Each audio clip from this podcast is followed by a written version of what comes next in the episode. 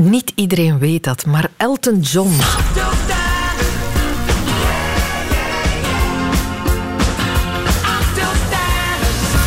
Dat is niet gewoon een muzieklegende, dat is niet gewoon een van de best verkopende artiesten aller tijden. Dat is ook gewoon een goede gast. In het begin van zijn carrière durfde Elton al wel eens wat uh, cocaïne door zijn neus jagen. Durfde zich al wel eens verliezen in drank en drugs. En drank en drugs. Zoals wel meer popsensaties plegen te doen. Maar die is op een bepaald moment wel radicaal gestopt, afgekikt. En hij heeft zichzelf toen een missie aangemeten om andere artiesten te behoeden voor de gevaren van drank en drugs. Zo heeft hij zich in de strijd geworpen tegen de verslavingen van Amy Winehouse en Whitney Houston. In hun geval spijtig genoeg te vergeefs, maar Elton John is wel een succesvolle steun geweest voor Rufus Wainwright en voor Eminem.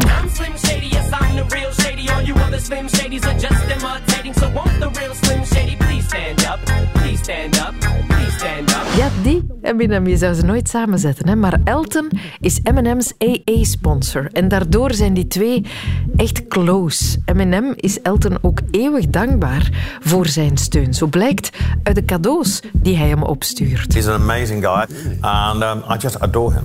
For my marriage, I got this package from Eminem. We had two diamond-encrusted cock rings velvet cushions. I have to say they have remained unused. Twee met diamanten afgebiesde penisringen stuurde Eminem Elton John op als huwelijkscadeau. Die evenwel nog ongebruikt in de kast liggen. Zo beweert Elton. Ze zullen het vast bewaren voor een feestelijk momentje. Maar goed, leven Elton, dat wil ik eigenlijk zeggen. Want het is helemaal niet evident wat hij doet. Wat zeg ik? Iemand confronteren met een drank of een drugsverslaving, dat is aardsmoeilijk. Want stel dat je iemand kent waarvan je zo vermoedt dat hij wat met de grenzen aan het flirten is.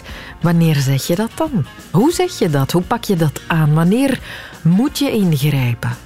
Daar wil ik het eens over hebben. Welkom in de wereld van Sophie.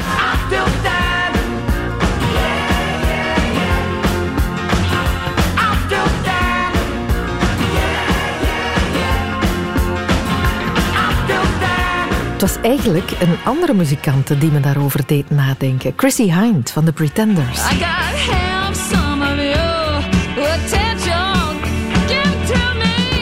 Zij gaf onlangs een interview, Chrissy Hind, Evan Sambilo, waarin ze zegt... Dat ze spijt heeft en zich ook schuldig voelt.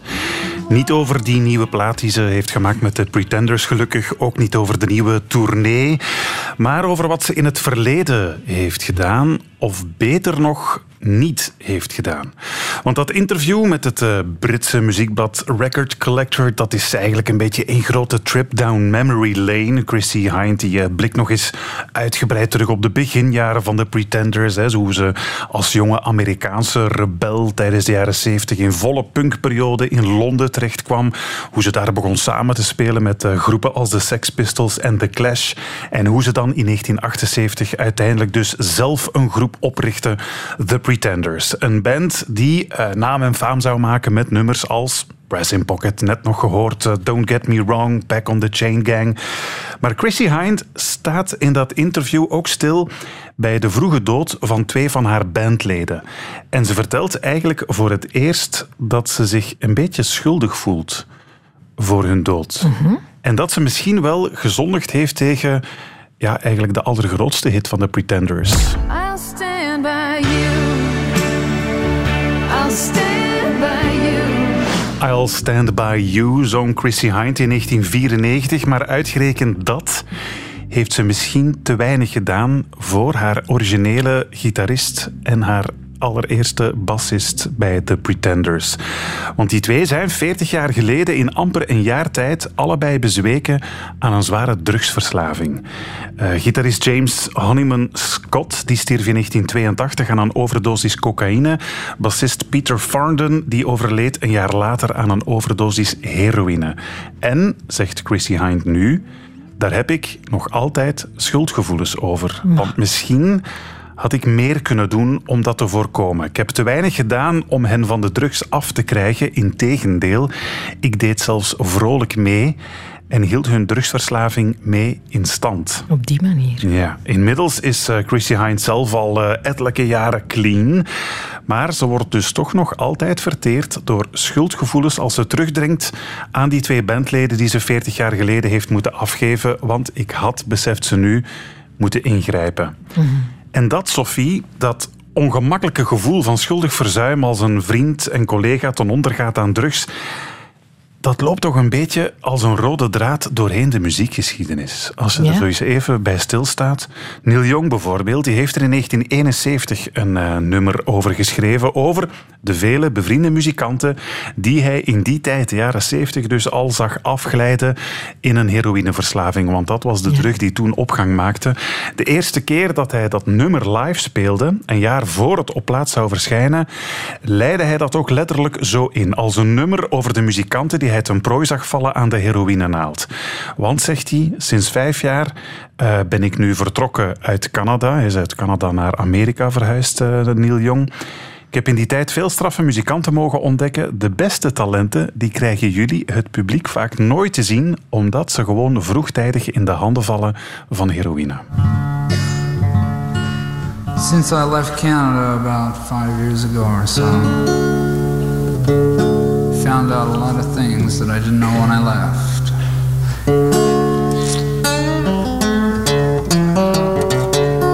Some of them are good and some of them are bad, you know.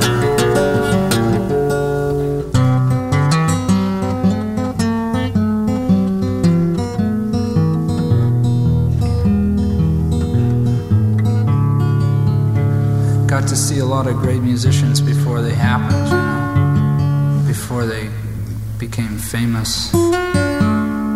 But strangely enough, the real good ones that you never got to see was because of uh, heroin. And it started happening over and over. Then it happened to some that everybody knew about. So I just wrote a little song. Het nummer dat Neil Young schreef over die vernietigende kracht van heroïne heet The Needle and the Damage Done. En hij had bij het schrijven één vriend en collega in het bijzonder in gedachten. Danny Witten, gitarist bij wat zijn vaste begeleidingsband zou worden. Hè. Crazy Horse. Danny Witten was een, uh, een reuma-patiënt en gebruikte heroïne aanvankelijk om de pijn te verlichten. Maar Neil Young zag dus hoe zijn gitarist en goede maatje hopeloos verslingerd raakte aan het spul en hoe hij dus zelf niet in staat was om in te grijpen. I hit the city and I lost my band. I watched the needle take another man.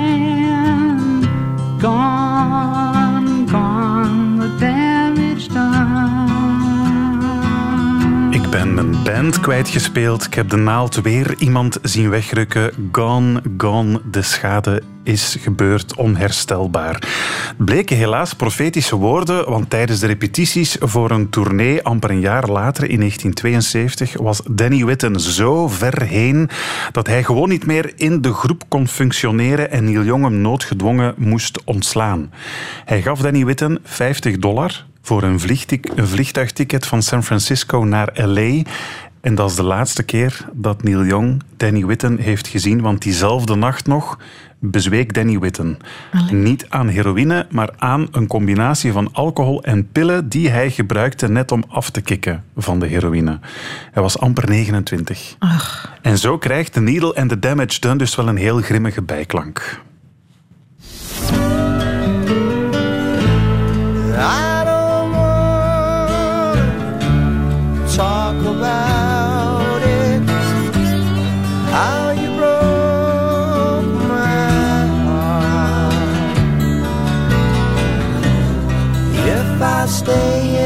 just a little bit longer. If I stay here, won't you listen to my heart?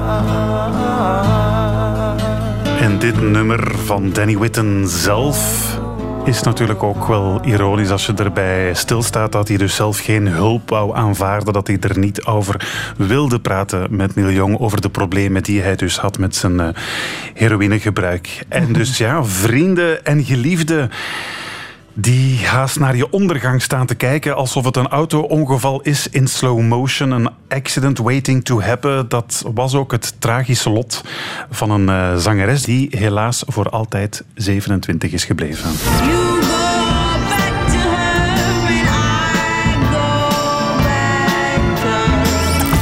Amy Winehouse. In 2011 vervoegde ze de mythische 27 Club en hoe groot ook de schok was toen het nieuws eh, bekend raakte van haar dood, helemaal verbaasd was eigenlijk niemand. Hè. Mhm.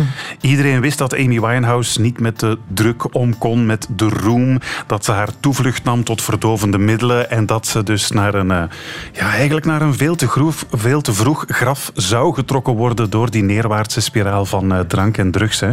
We hebben haar instorting bijna live kunnen volgen.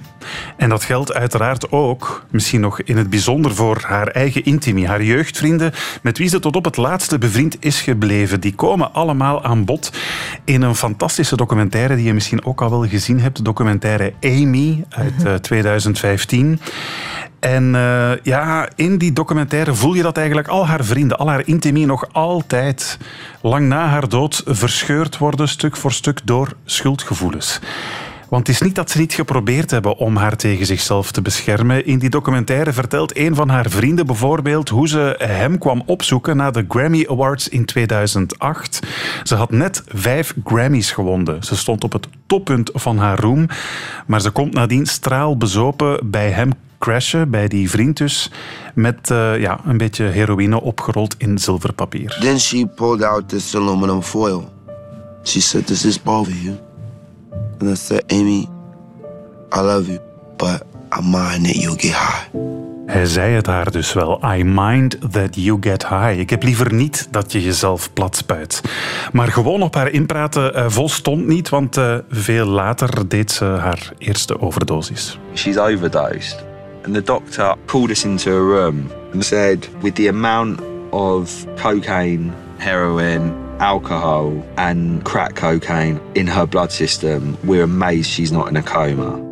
Dat het een mirakel was dat ze dus niet in een coma was beland, zei de dokter, met de hoeveelheid cocaïne en heroïne die ze in haar tengere lijf had. Want een tenger lijfje was het op dat moment wel geworden natuurlijk. Ze probeerde wel af te kicken, Amy Winehouse, maar daardoor vluchtte ze nog meer weg in alcohol, waardoor ze er dus nog een drankverslaving bovenop kreeg. En een van haar beste vrienden, Tyler James heet hij, die heeft daar achteraf een boek over geschreven, over die donkere spiraal waarin hij zijn maatje Amy dus dus eigenlijk zag meegesleurd worden. By this point there were letters from the doctor saying if she drank anymore that she'd die. Hij kreeg dus ook brieven te lezen van haar dokter, van haar artsen. Die waarschuwden, als ze zo zou blijven drinken, zou ze het niet overleven. Nu, die Tyler James, die vriend van Amy, die was toen zelf net afgekikt van uh, de drank. En die besloot om haar wel degelijk te helpen. In her eyes, I was the worst alcoholic in the world. When I was drinking, I drank two bottles of vodka a day. You know, so she looked up to me and I helped her. We'd go through alcohol withdrawal together. And just at the very end there, I, in the last year, I took a new tact, which was whenever she relapsed, I'd leave. Tyler die neemt zich dus voor om consequent te zijn. Ik ben er voor jou als vriend, zegt hij tegen uh, Amy, maar van zodra ik je zie drinken, ben ik weg. Blijven zou namelijk betekenen dat ik het impliciet goedkeur en dat wil ik niet doen. Dus bij het eerste glas dat je drinkt, wandel ik gewoon weg. Ben ik mhm. gewoon weg. Nu beseft hij dat dat natuurlijk niet de juiste aanpak was. Dat hij daardoor haar net in de steek heeft gelaten. The last time I came in one afternoon after going out for a walk and she had a glass of wine in her hand and it's really hard and I just I just flipped. The last time I saw Amy I had an argument with her. And then I came back two and a half days later and as I walked through the door an ambulance turned up and that's when everything that's when everything happened and it you know it's so surreal it's the worst worst day of my life you know. I kind of felt guilty too. De laatste keer dus dat hij Amy zag, had ze een glas wijn vast en consequent met zijn voornemen om dan gewoon te vertrekken. Als ze herviel, is hij dus inderdaad ook weggewandeld. De volgende keer dat hij haar opnieuw kwam uh, bezoeken, zag hij de ambulance al aankomen, aankomen en was het dus te laat. En heeft er oh. dus nog altijd spijt van. Dat moet toch zo verschrikkelijk zijn? Die spijt voel ik nagen. Terwijl het natuurlijk allemaal jouw schuld niet is. Terwijl je als vriend of familie waarschijnlijk op je kop kan gaan staan als de verslaafde zelf niet wil stoppen. Dan haalt dat weinig uit. Maar het is een gevoel dat ook Guido herkent. Vijftien jaar geleden overleed zijn zoon aan een overdosis. Zijn zoon nam op dat moment al heel wat jaren drugs, maar dat ontdekte Guido en zijn vrouw pas toen hij al zeer, zeer, zeer verslaafd was. Ze hebben hem uiteraard nog proberen helpen, maar het was te laat. En dat blijft Guido spijten, want stel dat ze het wel hadden gezien, wie weet. Dan, misschien.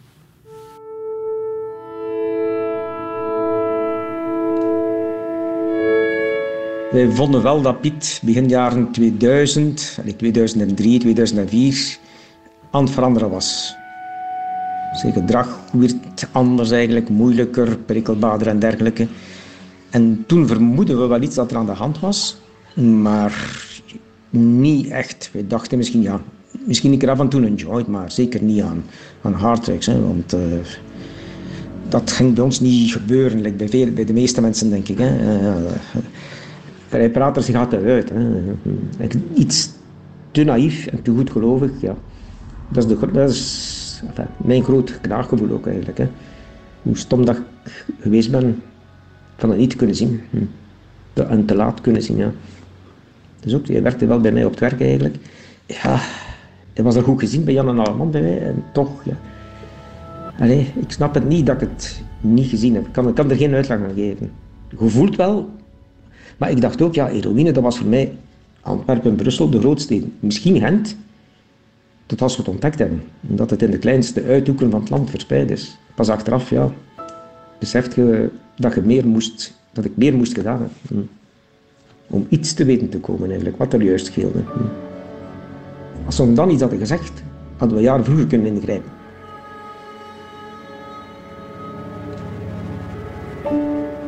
Toen in 2006 was hij zijn jas vergeten hier bij ons thuis.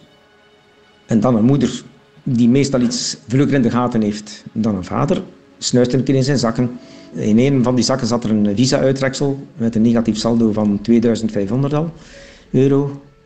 En in een ander zakje zat een uh, doktersvoorschrift van methadon. Wie die we geconfronteerd met de harde werkelijkheid. Hè. was een, uh, ja, een echte nachtmerrie. We zijn hem die gaan confronteren. Hij was toen al bezig proberen van af te kicken. Hij woonde niet meer thuis, hij was al gaan samenwonen met zijn vriendin. En dan zit je als ouder, had een beetje meer de naïviteit, ook al ervoor. Ik denk, het zal hopelijk wel zo gebeuren. Want ik had dan wel ook onmiddellijk, zouden niet beter in instelling gaan. Door films en tv, docus, weet je dat van heroïne afkicken bijna voor witte raven bestemd is. Dus zouden niet beter in instelling gaan, maar nee, hij was bezig. Dus ja. We hebben daar een tijdje willen proberen te volgen, maar ja, dat, dat lukt dus niet. Hè. Liegen, manipuleren, de juiste kenmerken van verslaving. Hè. Maar we hebben er wel alles in het werk gesteld. Allee, beginnen documentatie opzoeken, op internet alles beginnen zoeken wat we zouden kunnen doen om er vanaf te geraken, om hem te helpen. Maar dat is, ja, je staat machteloos eigenlijk als ouder. Je weet niet waar naartoe, ze zeggen niet veel. Je staat echt met je rug tegen de muur als je hem wilt helpen. Uiteindelijk hebben we toch een paar keer in een instelling gekregen en een paasafdeling, maar dat is altijd vallen en opstaan. En, maar dat altijd hervallen. Op den duur hebben we hem buiten gezet. Dat was enorm zwaar. Je eigen kind aan de deur zetten. Er zat geen hond aan de deur. Dus dat was zwaar. En na vijf weken is dat plots aan de deur. Ik wil geholpen worden. Ik heb hem hard om, om, omarmd. Zo. De verloren zoon was bijna terug. Ja. Het heeft niet mogen duren.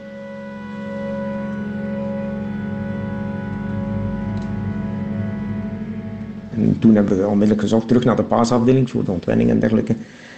En uiteindelijk is dat opgenomen na tien weken in de crisisafdelingen. Enfin, na vijf, zes maanden is hij dan ontslagen uit die instelling. Twee dagen daarna wou hij absoluut een keer naar een benefiet gaan van een vriend, een benefietavond die hier in de buurt was. En dan moet hij zich terug laten verleiden hebben tot cocaïne. We hebben dan s'avonds wel over thuis komen. we gaan slapen, we hebben niks gezegd. Smiddags wou mijn vrouw aanwekken voor de, voor de lunch. ja, hij wordt niet wakker. We gaan naar boven, ja, hij ligt op bed. Hij had wat blauwe plekken. Hmm, maar ik heb hem wel onmiddellijk de, de 100 of de hulpdiensten verwittigd. Met de mededeling dat er wel een verslavingselement speelde. Ik ben dan toegekomen en die mugdokter heeft zijn overlijden vastgesteld. Moet overleden zijn in zijn slaap rond 8 uur s morgens. En die blauwe vlekken waren in feite al ja, lijkvlekken moeten zijn. Dan, ja, dan is dan confrontatie afschuwelijk natuurlijk.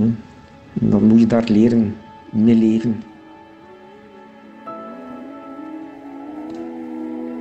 heeft niemand ons een schuld gegeven, niemand. Maar als ouder van een drugsverslaafd kind blijft dat schaamte, de schaamte en dat schuldgevoel enorm. Bij mij in ieder geval.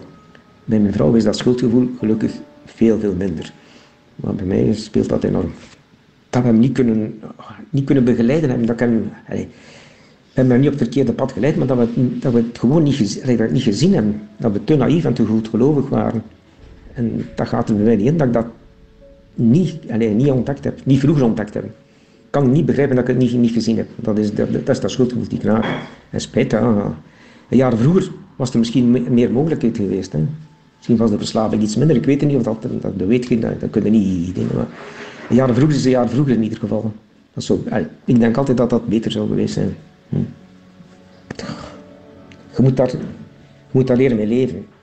En gelukkig hebben we veel aan elkaar, mijn vrouw en ik. En, maar je moet daar leren dat, dat knaagt van binnen. Dat is moeilijk, ik kan dat moeilijk omschrijven, maar het knaagt enorm wel. Toen we dat ontdekt hebben, hebben we ons drie maanden weggesteld. Niet buiten geweest, niemand iets gezegd. Maar je voelt onmiddellijk, ja, na die drie maanden is er geen, geen verbetering in zicht. Je moet er een keer mee naar buiten kunnen komen. En toen aan pas staan, naast de familie, heel naast de familie en vrienden gezegd eigenlijk. Maar die schaamte zit diep. Zoiets loop je niet te. Hè. We gaan wel naar... We hebben twee oude groepen gehad daarna.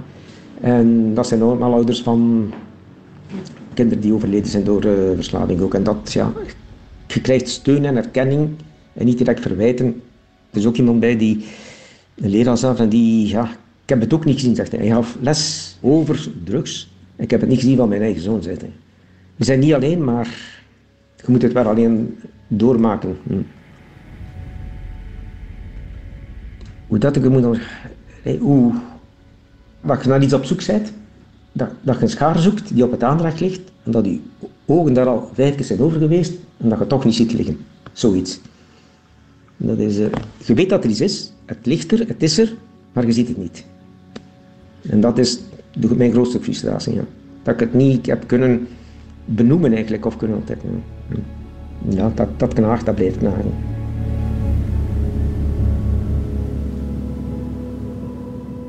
Je moet het zien, je moet het herkennen. En dan nog moet je weten wat te doen. Voor iemand die buiten de wereld van verslaving staat, die niet, zoals bijvoorbeeld Elton John zelf, ervaringsdeskundige is, is dat kei moeilijk. Hoe kan je ingrijpen? Dat legde ik voor aan Hendrik Peuskes, diensthoofd verslavingszorg van de psychiatrische kliniek Alexiane in Tiene en voorzitter van het Vlaams expertisecentrum alcohol en andere drugs, het VAD.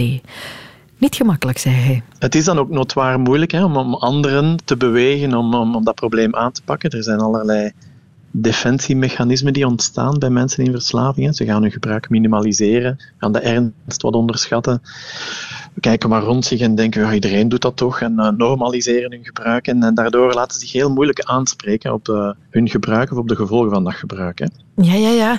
Zijn er signalen waaraan je kan merken, dit is wel echt problematisch gebruik van drank of drugs? Ja, er zijn heel wat kenmerken die daarop wijzen. Je, je, je ziet bij een aantal mensen een toename in gebruik, een, escalatie en uh, uh, steeds meer gebruiken, met misschien zelfs uh, niet opvallend erger effect, dus een tolerantie ontstaan voor gebruik. Je ziet mensen controleverlies ervaren. Hè. Uh, zeggen van uh, ik, ik, ga een pintje drinken, maar dat eindigt toch met een zware dronkenschap. Of ik ga één jointje roken en, en toch eindigt dan met heel de voorraad op te gebruiken en de dag nadien niet kunnen gaan werken bijvoorbeeld. gevolgen in in de omgeving zijn dan niet kunnen gaan werken, lessen missen, engagement te laten schieten. Ehm, dat zijn uh, alarmtekens hè, die, we, die we vaker horen van mensen. Ehm, heel vaak zien we die dingen in de buitenwereld pas laat en uh, leeft het al veel langer in het gezin hè, of in het kerngezin, waar men sneller voelt van dit klopt niet meer. De, we herkennen onze, onze man of onze zoon of uh, niet meer terug. Hè. die isoleert zich. en dan is het niet altijd duidelijk of dat met middelengebruik te maken heeft of met andere psychische moeilijkheden die soms bij opgroeien of andere crisis te maken heeft. Het is niet altijd makkelijk. Ja, ja nee. De twijfel zal ook lang in je hoofd bestaan is dit probleem groot genoeg om er iets mee te doen? Of word ik een moeial? Dat wordt toch een interne strijd, denk ik, op een bepaald moment. Dat is het eh, allicht wel. En uh, mensen die dat geprobeerd hebben, worden vaak ook door de gebruiker dan wat terecht gewezen. Hè. Moet u niet moeien, waar moei je eigenlijk mee? Um, uh, wordt lik op stuk gegeven. Zo, het is altijd hetzelfde, jullie controleren mij. Um, en straffer nog, soms schieten mensen in gebruik soms wat door naar externaliseren. Het is door jou, door dit soort situaties, dat ik moet gebruiken of zoiets. Ah, ja. Dat doen we af en toe ook. Dus dat wordt soms heel erg, heel erg vervelend, waardoor die naaste uh, het dan heel moeilijk heeft om zichzelf nog een, nog een positie te geven, een rol te geven, begint aan zichzelf te twijfelen. In die gedachtegang uh, zien we dat verslavingen, wanneer zo'n probleem van middelengebruik zich installeert, een verslaving toch een, meer is dan een individueel probleem van de gebruiker, maar eigenlijk ook vaak een gezinsprobleem wordt, hè, waar alle mensen in dat gezin mee te maken hebben, zich, moet, zich ja, op een of andere manier aan aanpassen en zelf doorgaan veranderen. Hè. Mhm. Soms op manieren die niet goed helpen, hè, die, uh, die vervelend worden, die ja, controlerend moeten zijn, dat uh, streng zijn, dat niet helpt, maar dan de sfeer ook helemaal bepaalt, het gezinsleven verandert. Dus heel belastend zijn, waardoor mensen die daarop staan te kijken, daarmee samenleven, soms heel erg aan zichzelf gaan twijfelen. Hè. Dan is beginnen nadenken over zelfzorg. Wat is nog goed voor mij? Ben ik hier mezelf nog uh, in wat voor rollen kom ik hier terecht? Daarover nadenken is vaak een eerste stap. Hè. Ja. Als je uh, erover uit bent voor jezelf dat de ander, of het nu je lief of een vriend of een familielid is, uh, een verslavingsprobleem heeft dat aangepakt moet worden, wat is dan de beste aanpak? Is dat er, gewoon de confrontatie? Dit denk ik. Wel, er zijn al heel veel strategieën geprobeerd en heel veel uh, modellen voor bedacht om dat uh, goed te doen. Hè. Um, de meest bekende zijn misschien die van uh, de, de ideeën die geïnspireerd zijn op die van de AA, de Anonieme Alcoholisten. Die hebben een organisatie die daar een soort zusterorganisatie van is voor partners van mensen met een alcoholprobleem. En die vertrekken eigenlijk uit van de idee dat uh, eigenlijk als partner, als naaste, kan je niks doen om die andere tot verandering te bewegen. Het moet van mhm. die persoon zelf komen. En al die energie die je al aan besteed hebt, die doet jou veranderen, die brengt jou op uh, manieren uh, ver van jezelf. Zo. Je doet dingen die je eigenlijk niet wil doen. En wat, wat, zij zeggen is, je moet afstand nemen. Je moet de andere aan de consequenties van zijn gebruik overlaten. Hè. Desnoods rock bottom laten bereiken. Uh, maar jij moet afstand nemen, uh, voor jezelf zorgen en beschikbaar zijn op het moment dat hij echt iets wil gaan doen. Dat is de strategie van de Al-Anon. Veel zelfzorg, hè? Mm -hmm. vaak in situaties waarin mensen zich al helemaal opgebrand gevoeld hebben en aan alles geprobeerd hebben. Dat is de, de, de, de op de twaalf stappen geïnspireerde methodiek. Er is een heel andere methodiek die die uh, gezinnen wat probeert samen te brengen en, en kracht geven, uh, waar, waar, men probeert uh, een soort confrontatie te organiseren. Dat is de Johnson-strategie, dat is nogal beroemd ook. -hmm. Dat is misschien herkenbaar voor de mensen die vaker tv kijken. Vaak het begin van een, een, een, een hulpprogramma bij, rond verslavingen, waar, je, waar iemand met een verslaving van straat geplukt wordt en in een ruimte wordt gebracht waar plots uh, vader, moeder, tante, onkel, buurvrouw uh, rond de tafel zitten en allemaal een uh, confronterende boodschap brengen die wel betrokkenheid uitspreekt naar die mm -hmm. patiënt. Voilà, dit heeft iets met u in, maar wij, wij dragen verschrikkelijk mee in deze last en ook voor ons moet jij gaan veranderen. En men probeert dan die hefboom van een stukje altruïsme. Hè.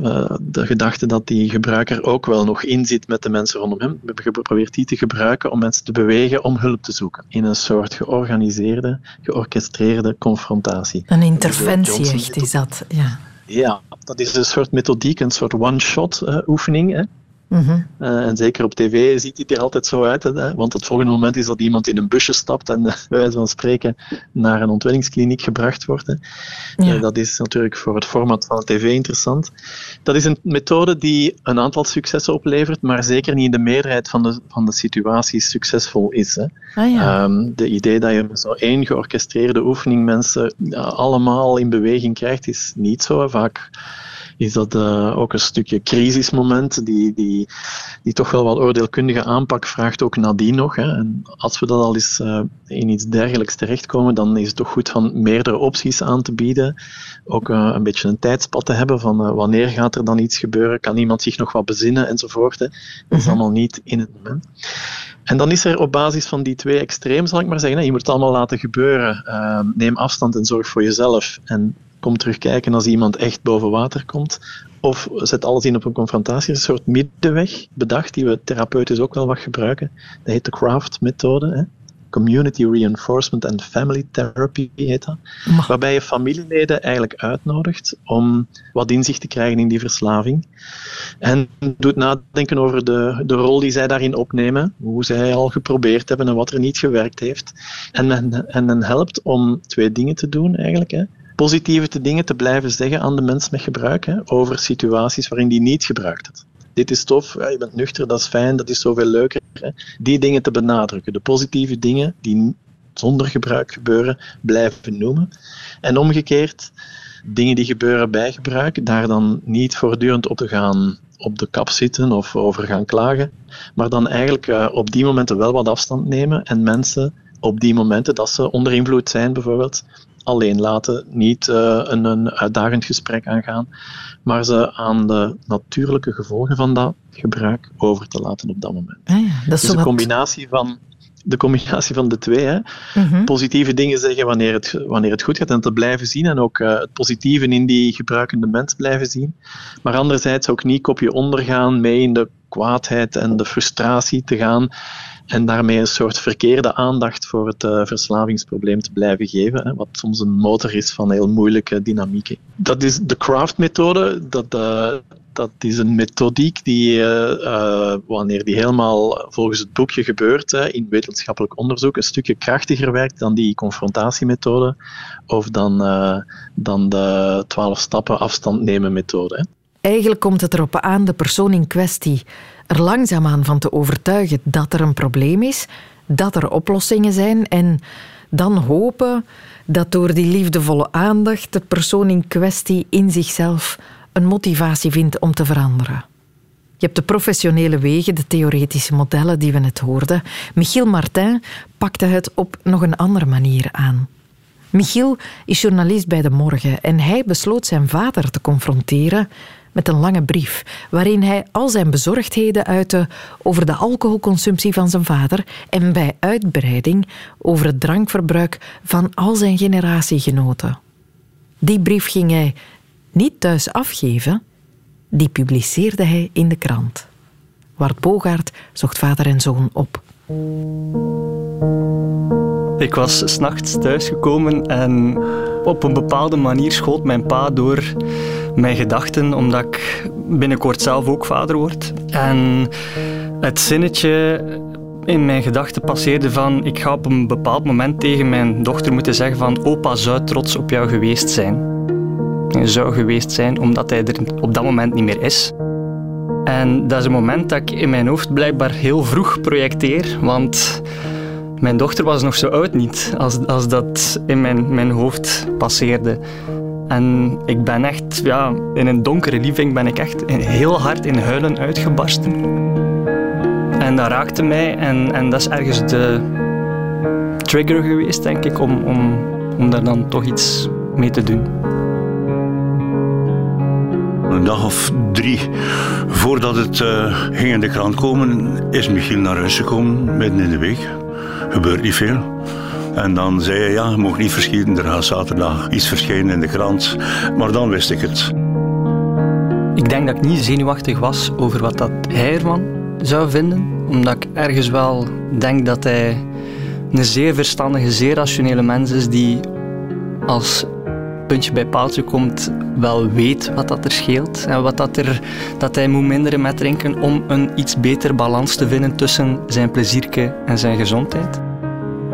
Ik wist dat de zaterdag ging verschijnen. Dus ik ben naar beneden geweest. Ik heb de krant genomen. Uh, bij een koffie. Ik heb het wel twee keer gelezen. Maar een koffie, na de twee keer lezen, had ik er nog niet van gedronken. Ik denk dat ik vooral wel een beetje schrik had voor de reactie uit de omgeving. Vrienden, familie, omdat je toch ergens wel een beetje de vuile was buiten hangt. In een nationale krant. En ik had er absoluut geen probleem mee. Michiel zegt niet tegen mij, je bent een alcoholieker, vind ik toch niet? Hij zegt ook niets, je mag niet meer drinken. Hij zegt gewoon, je bent verkeerd bezig met je gezondheid. En nu, alsjeblieft, doe er iets aan voor het laat is. Ja, ik denk als je heel die brief leest, dan hoop ik dat mensen zien dat daar een heel grote liefde van uitstraalt.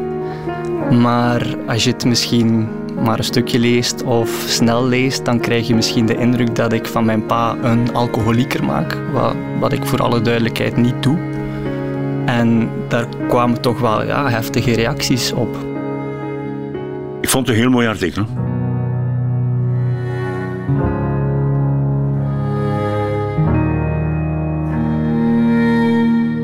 Gegeven van al heel, heel lang. Hè.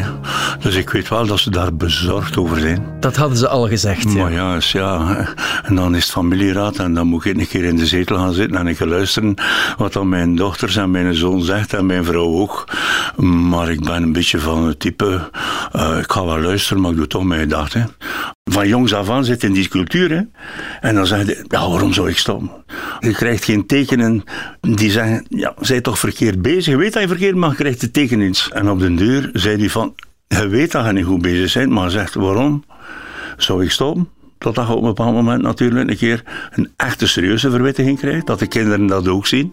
Dat uw vrouw dat ook ziet. En dan zeg je, ja, het gaat wel overgaan. In mijn zin, het gaat overgaan. Hè. En het gaat over. Wat was die verwittiging die je kreeg? Ja, een verwittiging in de zin van heel erg vermoeid. Een bloeduitslag waarvan dat gezegd. Ja, als ik het nu niet geloof, dan ga ik het nooit geloven. Hè. En verschrikkelijke pijnen in mijn gewrichten. Maakte het verschil dat het nu zwart op wit stond en, en, in de krant bovendien? Absoluut. Maar, maar ik denk dat het krantenartikel uh, in feite een beetje in dezelfde periode valt als die zware verwittiging dat ik ook medisch gekregen heb. Dus ben, ben, ben bij een huisarts geweest, ben bij een neuroloog geweest. Maar de, de neuroloog zei ook, ga maar, je moet zo snel mogelijk contact opnemen met een uh, reumatologe. En uiteindelijk zeiden die drie mensen alle drie hetzelfde. Meneer, weet je wat jij moet doen? verstandiger eten, verstandiger drinken. En ook niet niet drinken, hè, maar verstandiger drinken. En uiteindelijk veel bewegen. Dan moet je of aan de hele kop zijn en zeggen: Ja, ik ga voortdoen, maar dan drink ik mij dood. Hè. Ja, dat kun je. Oftewel zeggen: Ja, ik zie zo graag mijn kinderen. En mijn kleinkinderen. En dan zeiden: Ik moet stoppen. Zo simpel is dat.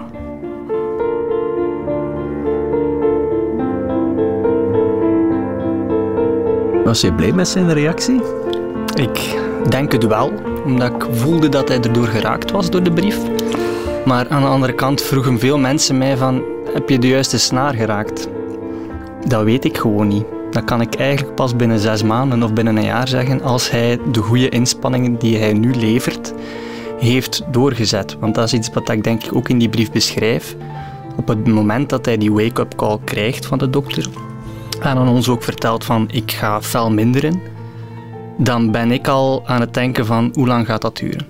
Want hij heeft al op dat punt gestaan, waar dat hij alles een ja, medische tik op de vingers gekregen heeft en uh, zijn leven ging beteren of aan een dieet starten en dan steunen wij hem, maar dan wordt het verval na een aantal maanden ingezet. En ik hoop dat hij het nu kan volhouden. Deel je zijn analyse die hij maakt in dat stuk? Dat jij een, een sociale gezelligaard, zoals hij het noemt, bent, ah. die door die gezelligheid te veel en te vaak drinkt? Absoluut. En ik heb hem mag dat wel zeggen, een rijk sociaal leven. Dus met veel vrienden. Wat dat ook betekent dat er veel sociale gelegenheden zijn om te drinken. En ja, bij de meeste van die gelegenheden, ja, dan wordt er iets gedronken. Hè. Ik heb in al die momenten ervoor, toen ik nog die lichamelijke problemen niet had, heb ik enorm veel plezier gehad. Hè. Dus kan niet zeggen, ik heb daar spijt van. Maar waar ik wel misschien spijt van heb, dan ik zeg, ik heb misschien wel, als ik iets minder gedronken, dan ging ik wel, wel echt evenveel plezier aan hebben. En dan ging ik nu al die lichamelijke problemen niet gehad hebben. Maar nu besef ik, en ik, en ik meen uit de grond van mijn hart, ik heb gezegd tegen Michiel ook, stoppen met drinken gaat niet doen. Ja, ik begrijp dat dat geen makkelijke boodschap is, omdat je ergens bent opgegroeid in dat hele stramien van drank is overal en is er altijd. En dat is een generatie, ik merk dat bij mijn pa, maar bij al zijn vrienden, die hebben ene frigo en die hebben dan nog een tweede frigo die volgestampt is met drank. En dat alleen al in zo van die hele kleine dingen merk je gewoon hoe verworteld dat dat is. Heb jij een tweede frigo, Tony? Absoluut, absoluut. En ik ga hem nooit wegdoen. ja, een beetje drinken in sociaal contact.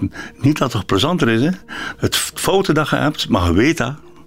Dat is dat je denkt dat dat plezante er komt door die drank. En dan denkt je, dat zorgt, dat is absoluut een meerwaarde aan de avond. En dat is misschien ook zo, maar die meerwaarde mondt uit in te veel. En dan gaan we s'avonds om 1 uur, 2 uur naar huis en hebben we 7, 8 uvels binnen. En Michiel kan dat zeggen. Je ziet dat niet aan mij, hè. ik zit hier niet te stoeven, is het waar of is het niet waar? Het is zeker waar. Je ziet dat dus niet aan mij. Hè? Maar, maar ook het feit dat hij dat stoeven noemt. Hè? Stoeven, om, om, ja, stoeft daarmee. Ja, dat is waar. Dat is inderdaad een cultureel gegeven dat we mensen bijna een beetje idoliseren die heel goed kunnen drinken. En ik weet dat ik onlangs iets, iets las. Uh, ik denk dat Flip Collier was die tien jaar geleden gestopt is met drinken, of die al tien jaar geheel onthouder is. En die zei van, ik deed het te graag en ik kon het te goed en daarom ben ik gestopt. Ik vond dat eigenlijk wel een mooi inzicht. Ja. Ik eet veel gezonder morgens. Ik eet gezonder middags. Ik drink veel minder. Ik laat mijn bier niet. Hè. Ik drink nog altijd een twee pintjes of iets, maar veel, veel minder. Ik ben 40 kilo vermaard. voel mij veel beter. Ik slaap veel beter. En ik ga nog veel, evenveel weg met mijn vrienden en met de mensen dat ik goed ken. Ik moet wel zeggen, ik heb naar al die mensen een mail gestuurd. Ik heb gezegd, de oude Tony Martin, die bestaan niet meer. Vanaf nu hadden rekening houden met de nieuwe Tony Martin. Ik zeg, het gaat veel goedkoper zijn voor hen. Moet geen bak duvel meer in doen als ik kom. Hier, pak er misschien zes kassen, misschien nog opdrukken. En ze houden er allemaal rekening mee. En ze waren ook enorm positief met wat dat er nu gebeurd is en met de evolutie. Maar ik heb, ik heb soms nog een keer mijn zwak momenten en dat gaat er misschien nog komen. Mm, ik denk, en dat zei de dokteres ook, het komt er vooral op neer om vol te houden. En dat is wat Michiel ook gezegd heeft. En ja, dat, dat is de uitdaging. Ik ga er ook nog niet voor op antwoorden. Michiel, ik heb de indruk dat het gelukt is. ik ga daar nog niet op flinken. Maar ik zie inderdaad dat hij er beter uitziet. Ja. Heb je hem uitgeknipt, de brief van je zoon? Ik knip alle uh, artikels uit van mijn zoon. Maar deze ligt toch bovenaan? Het is de kaft.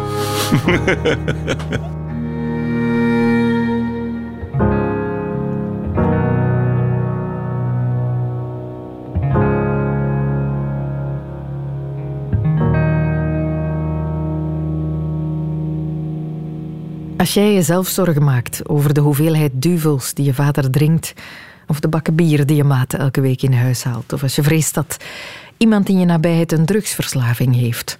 Op de website van de Druglijn vind je nog veel meer tips om het gesprek aan te knopen. www.druglijn.be Of je contacteert Elton John natuurlijk. Hè?